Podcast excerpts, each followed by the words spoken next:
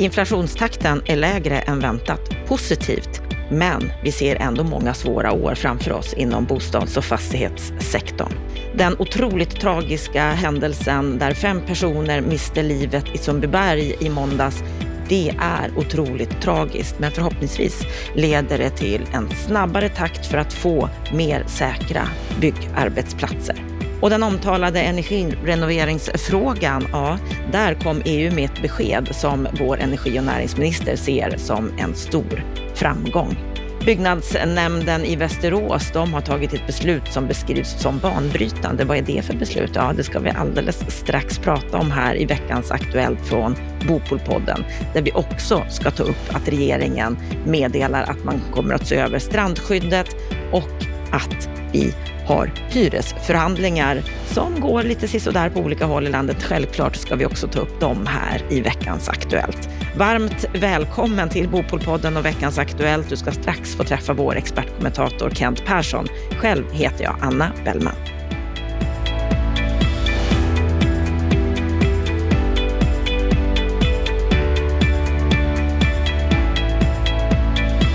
Och vi börjar veckans Aktuellt med att SCB igår morse, torsdag morgon, kom med nya inflationssiffror som överraskade ganska rejält på nedsidan. Och SCBs Robert Bergqvist, han har blivit flitigt citerad för det han sa på X, att detta är en svensk inflationschock. Inflationstomten kom även till Sverige. Nu ökar tempot för att nå tidpunkt för första sänkning även i Riksbanken. Och på onsdagskvällen så signalerade ju även amerikanska Fed att man ser tre räntesänkningar framför sig under 2024. Och inför Riksbankens möte för bara tre veckor sedan så diskuterades om man skulle höja styrräntan ytterligare. Men nu känns det som att man kommer börja diskutera, är det inte dags att sänka? Vad säger du om detta, Kent Persson? Att flera av våra ekonomer har ju eh, tidigare redan signalerat detta och det är klart att Robert Boye har varit en av dem i spetsen som vi har med i det här programmet med jämna mellanrum som också varit tydlig i att, att inflationen kommer sjunka snabbare än vad Riksbanken har, har förutsett. Och det är klart att tittar vi ut i världen lite grann så ser vi ju också att eh, inflationen har sjunkit tillbaka snabbare i USA, eh, i Europaområdet, Kina. Så att, att den nu börjar sjunka lite snabbare i Sverige är inte överraskande utan det ligger i linje med vad vi ser i omvärlden. Och det är bra. Det här skapar ändå förutsättningar för en stabilare ekonomisk utveckling. Sen ska man väl vara försiktig att det kan komma bakslag.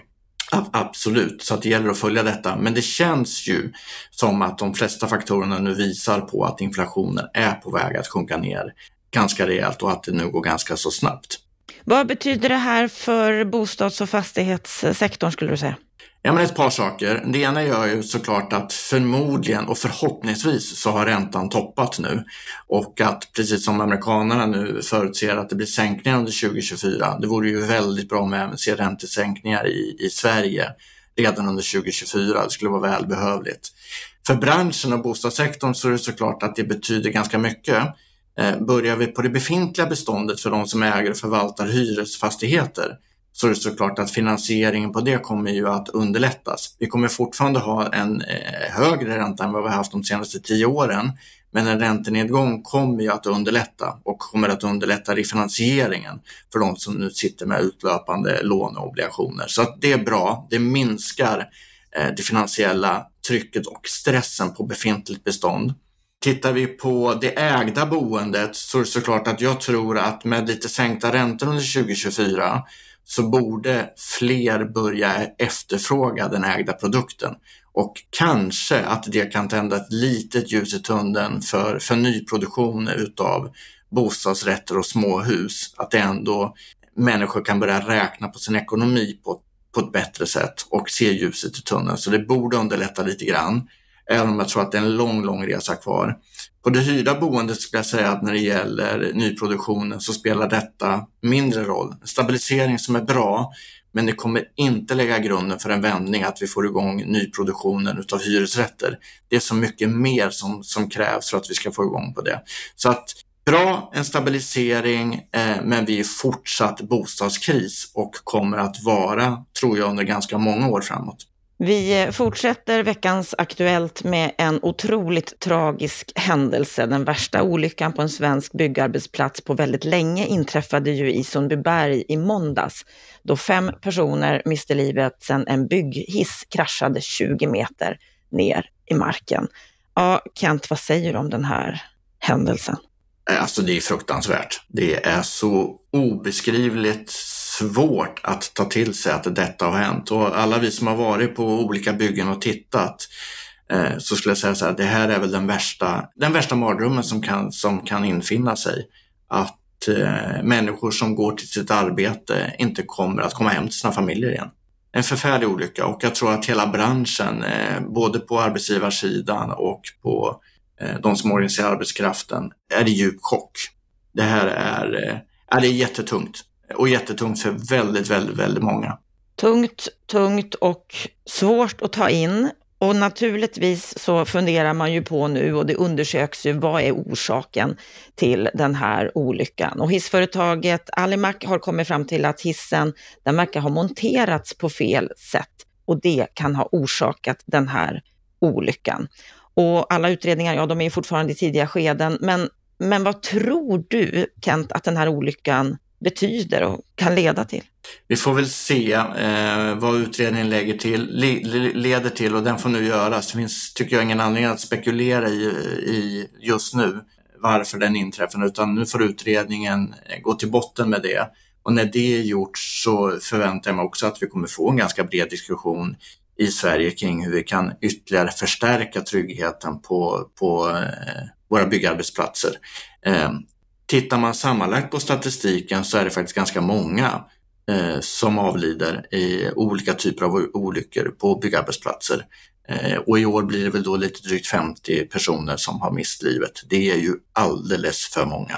Så att eh, den här olyckan som är otroligt tragisk, den kanske sätter fart ändå på diskussionen kring att det är mer som behöver göras. Och då är det väldigt mycket vi pratar om i, i i seriositeten kring hur, hur arbetsgivare uppträder, vilken arbetskraft har man, eh, vilka säkerhetsåtgärder sätter man in. Och en som har varit otroligt engagerad i de här frågorna, det är ju vår kollega Lennart Weiss som driver ett väldigt viktigt eh, arbete i att belysa de här frågorna och han är också väldigt tydlig med att det är mer som behöver göras. Så att jag hoppas också att så småningom att fler lyssnar på dem inspelen som Lennart har för att de är väldigt, väldigt viktiga. Eh, och tragiskt nog så kanske det här kommer i belysning nu när den här tragiska olyckan har hänt. Men jag hoppas att vi får en, en bra diskussion eh, kring hur vi kan förbättra säkerheten på våra arbetsplatser framåt. Mm. Vi ska gå vidare här i veckans Aktuellt med att EU kom med ett besked i den omtalade energirenoveringsfrågan. Man har tidigare pratat om att alla länder skulle vara tvungna att renovera en lika stor del av sina fastigheter, vilket Sverige och andra länder som ligger mer i framkant i utvecklingen har motsatt sig. Och nu så har man alltså kommit fram till en kompromiss som den svenska regeringen beskriver som en framgång. Och vår energi och näringsminister Ebba Busch, hon säger så här, att många av förslagen från kommissionen och parlamentet har varit helt orimliga och riskerar att lägga stora bördor på svenska husägare. Det är därför mycket bra att vi har lyckats hålla undan mycket av detaljregleringen och behållit möjligheten för Sverige att själv få utforma vår egen politik inom området. Ja, håller du med henne Kent, är det här en framgång? Det är det sannolikt. Jag tycker att det är ganska svårt att fortfarande få ett grepp på vad egentligen eh de här besluten leder till. Vi har ju varit kritiska till från början till EUs eh, ambition på detta område. Inte ambitionen som sådan, det är alldeles rätt att hela Europa behöver ställa om och fortsätta jobba med det. Men vi har ju varit kritiska till att man har ställt för stora krav och att de här kraven inte har varit anpassade till de olika ländernas position i arbetet. I Sverige har vi gjort väldigt mycket. Och det är i andra länder man behöver göra mer. Sverige ska fortsätta sitt energiomställningsarbete och det görs.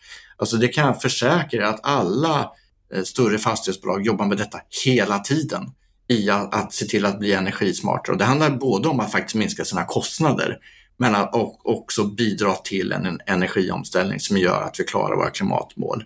Så i den delen bra att det sker en förändring. Jag tror att vi behöver titta på det lite mer i detalj vad det innebär. Men det är väl två frågor man kan sortera ut.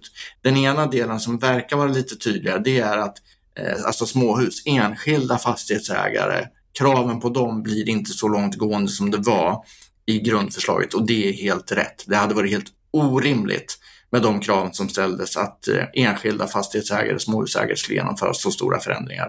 Det hade faktiskt riskerat att, att kollapsa svensk småhusmarknad. Så det är bra i den delen att regeringen har drivit på och fått en förändring. Den andra delen är ju när det gäller eh, stora fastighetsbestånd, kommersiella fastigheter. I vilken takt ska vi genomföra de förändringarna? Och här bör det ske en balansering över hela Europa så att rätt insatser görs i rätt ställen så att Europa ser till att gemensamt klara klimatmålen. Och där återstår det nog en del att tolka ut vad det här beslutet egentligen innebär. Mm, vi får följa det, men en framgång alltså för småhusägare. Vi ska vidare till Västerås där byggnadsnämnden har tagit ett beslut som beskrivs som banbrytande. Det är fastighetsbolaget Bostjärnan som i flera år har velat konvertera markplanet i ett antal fastigheter till bostadslägenheter. Tjänstemännen de har dock sagt nej och hänvisat till Boverkets byggregler. Lokalerna har en takhöjd på 220 cm och det krävs 240 cm för bostäder. Men nu kör alltså politikerna över tjänstemännen och tillåter de här ombyggnationerna trots att det alltså egentligen bryter mot byggreglerna. Det här beslutet det kan i förlängningen innebära att Bostjärnan kan skapa 200 små lägenheter. Vad, vad, säger du om den här situationen, Kent, att politikerna kör över tjänstemännen på det här sättet? Intressant. Eh, man får väl säga att det var väl eh, i viss mån ett modigt politiskt beslut att ta det. Vi får väl se om det blir överklagat, om det verkligen håller hela vägen. Återstår verkligen att se om det här verkligen blir genomfört bygge eller ej. Eh, men det är ändå intressant att, att politiken gör så. Eh, det är ganska ovanligt, men jag ska säga att det händer och det är klart att tjänstemän kan ju inte lägga fram förslag, gärna, som bryter emot eh, regler och lagar. Kan politiker fatta beslut som bryter mot lagar och regler? Kanske, kanske inte. Det är väl det vi får se om det här verkligen håller hela vägen. För jag tror att det kommer bli överklagat, så då får vi väl se vad som händer. Sen kan man ju ha en diskussion kring just detta med eh, flexibiliteten i att kunna om, ställa om fastigheter. Och då tror jag att då måste man också kunna vara lite flexibel i en del delar. 220 takhöjd, det kan nog fungera. Och då utgår jag också från att hyresnivån på de här lägenheterna anpassas också utefter det i och med att man gör ett avsteg ifrån de regler och normer man har. Då kanske det kan fungera. Men det måste också hänga ihop i helheten. Eh, så att Spännande att se. Eh, fortsättning följer och det återstår att se om det verkligen blir lägenheter med 2,20 i takhöjd, om det här släpps igenom hela vägen. Kan man se det som att det finns en risk att vi får bostäder nu med sämre standard? Nej, det tror jag inte. Jag, jag, jag tror verkligen inte det. Däremot så skulle vi behöva en diskussion omkring detta med standard och det handlar ju faktiskt om att kunna utnyttja de fastigheter som finns i Sverige på ett så bra sätt som möjligt. Och just detta med att ställa om lokaler till, till bostäder, men framförallt skulle jag säga källarlokaler och vindar. Oftast så går det inte att genomföra för att kraven är för höga på tillgänglighet. Och då måste man ändå fundera, tycker jag, på att behöver verkligen till exempel lägenheter på vindar vara fullt ut tillgängliga om alla andra lägenheter i fastigheten är det? Alltså här pratar vi om hiss. Och oftast är det det som faktiskt skälper hela kalkylen, vilket gör att det går inte att komplettera med de här lägenheterna. Och det innebär ju att vi inte utnyttjar vårt bestånd fullt ut. Och det tycker jag är olyckligt. Så att ja, vi behöver en diskussion kring detta. De här lägenheterna kan säkert bli jättefina ändå med en tillräckligt hög standard. Men det kanske är så att den inte kan, eh, kan efterfrågas av, all, av alla. Och det kanske är okej okay om det är så att vi har andra lägenheter som kan efterfrågas av alla. Ja, vi får se vad detta i Västerås kan leda till och kan leda till på nationell nivå när det gäller att få fram fler bostäder till fler. Vi ska fortsätta nu på just nationell nivå där regeringen har meddelat att man kommer att se över strandskyddet. Bostadsminister Andreas Karlsson menar att de nuvarande reglerna är bizarra. Att små vattendrag och till och med diken innebär att man inte kan bygga till exempel bostäder på attraktiv mark. Ja, vad säger du Kent? Hur ser du på regeringens planer för att lätta upp strandskyddet? Hela strandskyddsdebatten har ju varit lång och omfattande i det här landet eh, och det kan jag nog säga det att jag håller med regeringen om att eh, de reglerna vi har är för rigida. Eh, vi skulle mycket väl kunna bygga strandnära på ganska många ställen runt om i landet utan att det hotar allmän, eh, de allmänna intressen eh, för att kunna komma in till vattnet. Eh, vi har så mycket, eh, mycket vattennära eh, så och kustnära så att det skulle kunna gå. Däremot skulle jag säga det att i den här diskussionen, det är överord från båda sidorna.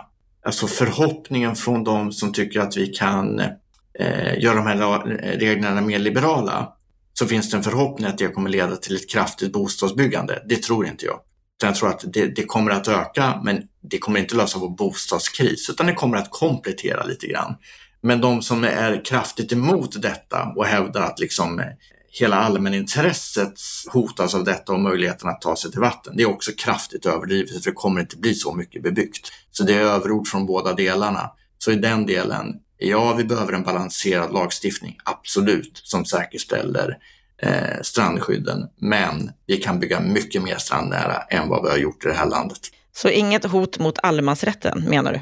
Nej, jag upplever att detta inte är ett hot mot allemansrätt. En annan aspekt som har tagits upp i debatten det är att det här i stort sett ska vara samma förslag som den tidigare regeringen la fram för flera år sedan.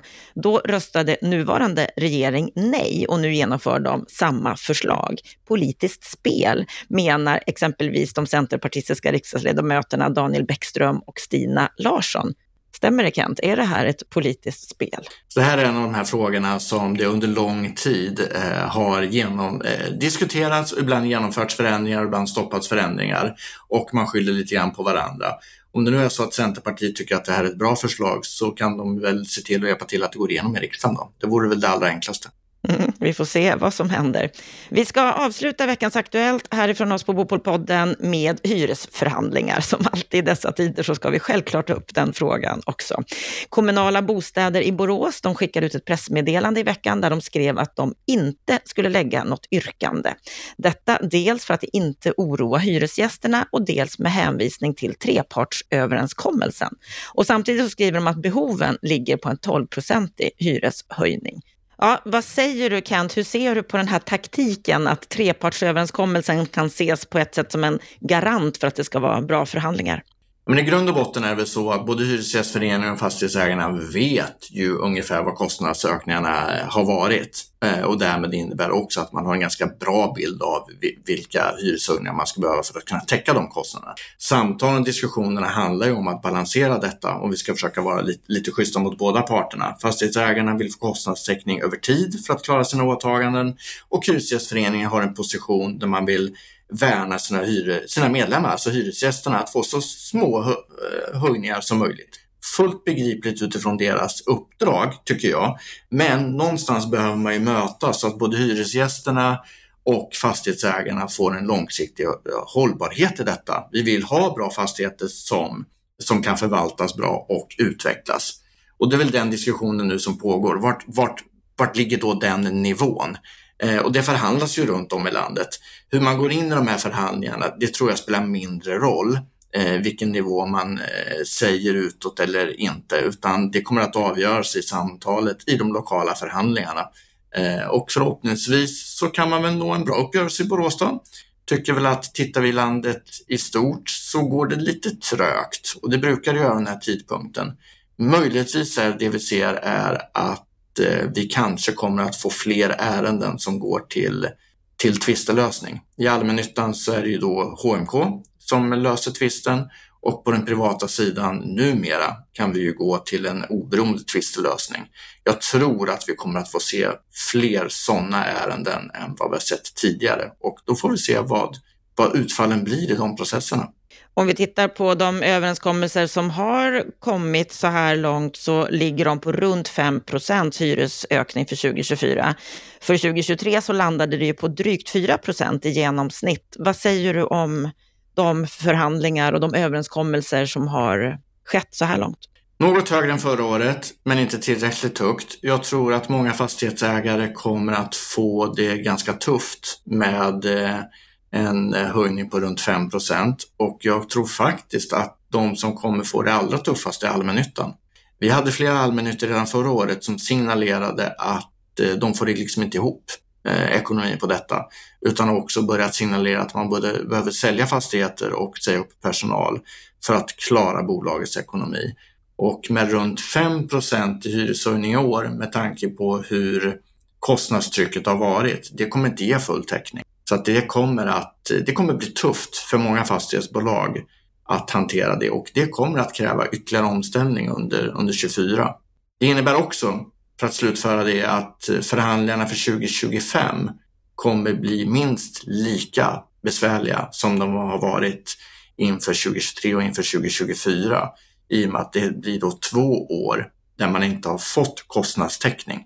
Och eh, den eh, kostnadssnöbollen rullar ju bara på. Och någon gång måste man få täckning. Så att eh, man skjuter problemen framför sig. Och det är olyckligt. Mm, tufft för många fastighetsägare. Och precis som vi inledde veckans Aktuellt med så trots att inflationen går ner så ser det ut som att det blir många tuffa år. Så tack Kent för veckans Aktuellt. Och tack till dig som lyssnar. Och jag hoppas att du lyssnar in på måndag igen. Och att du fram tills dess har en riktigt trevlig helg.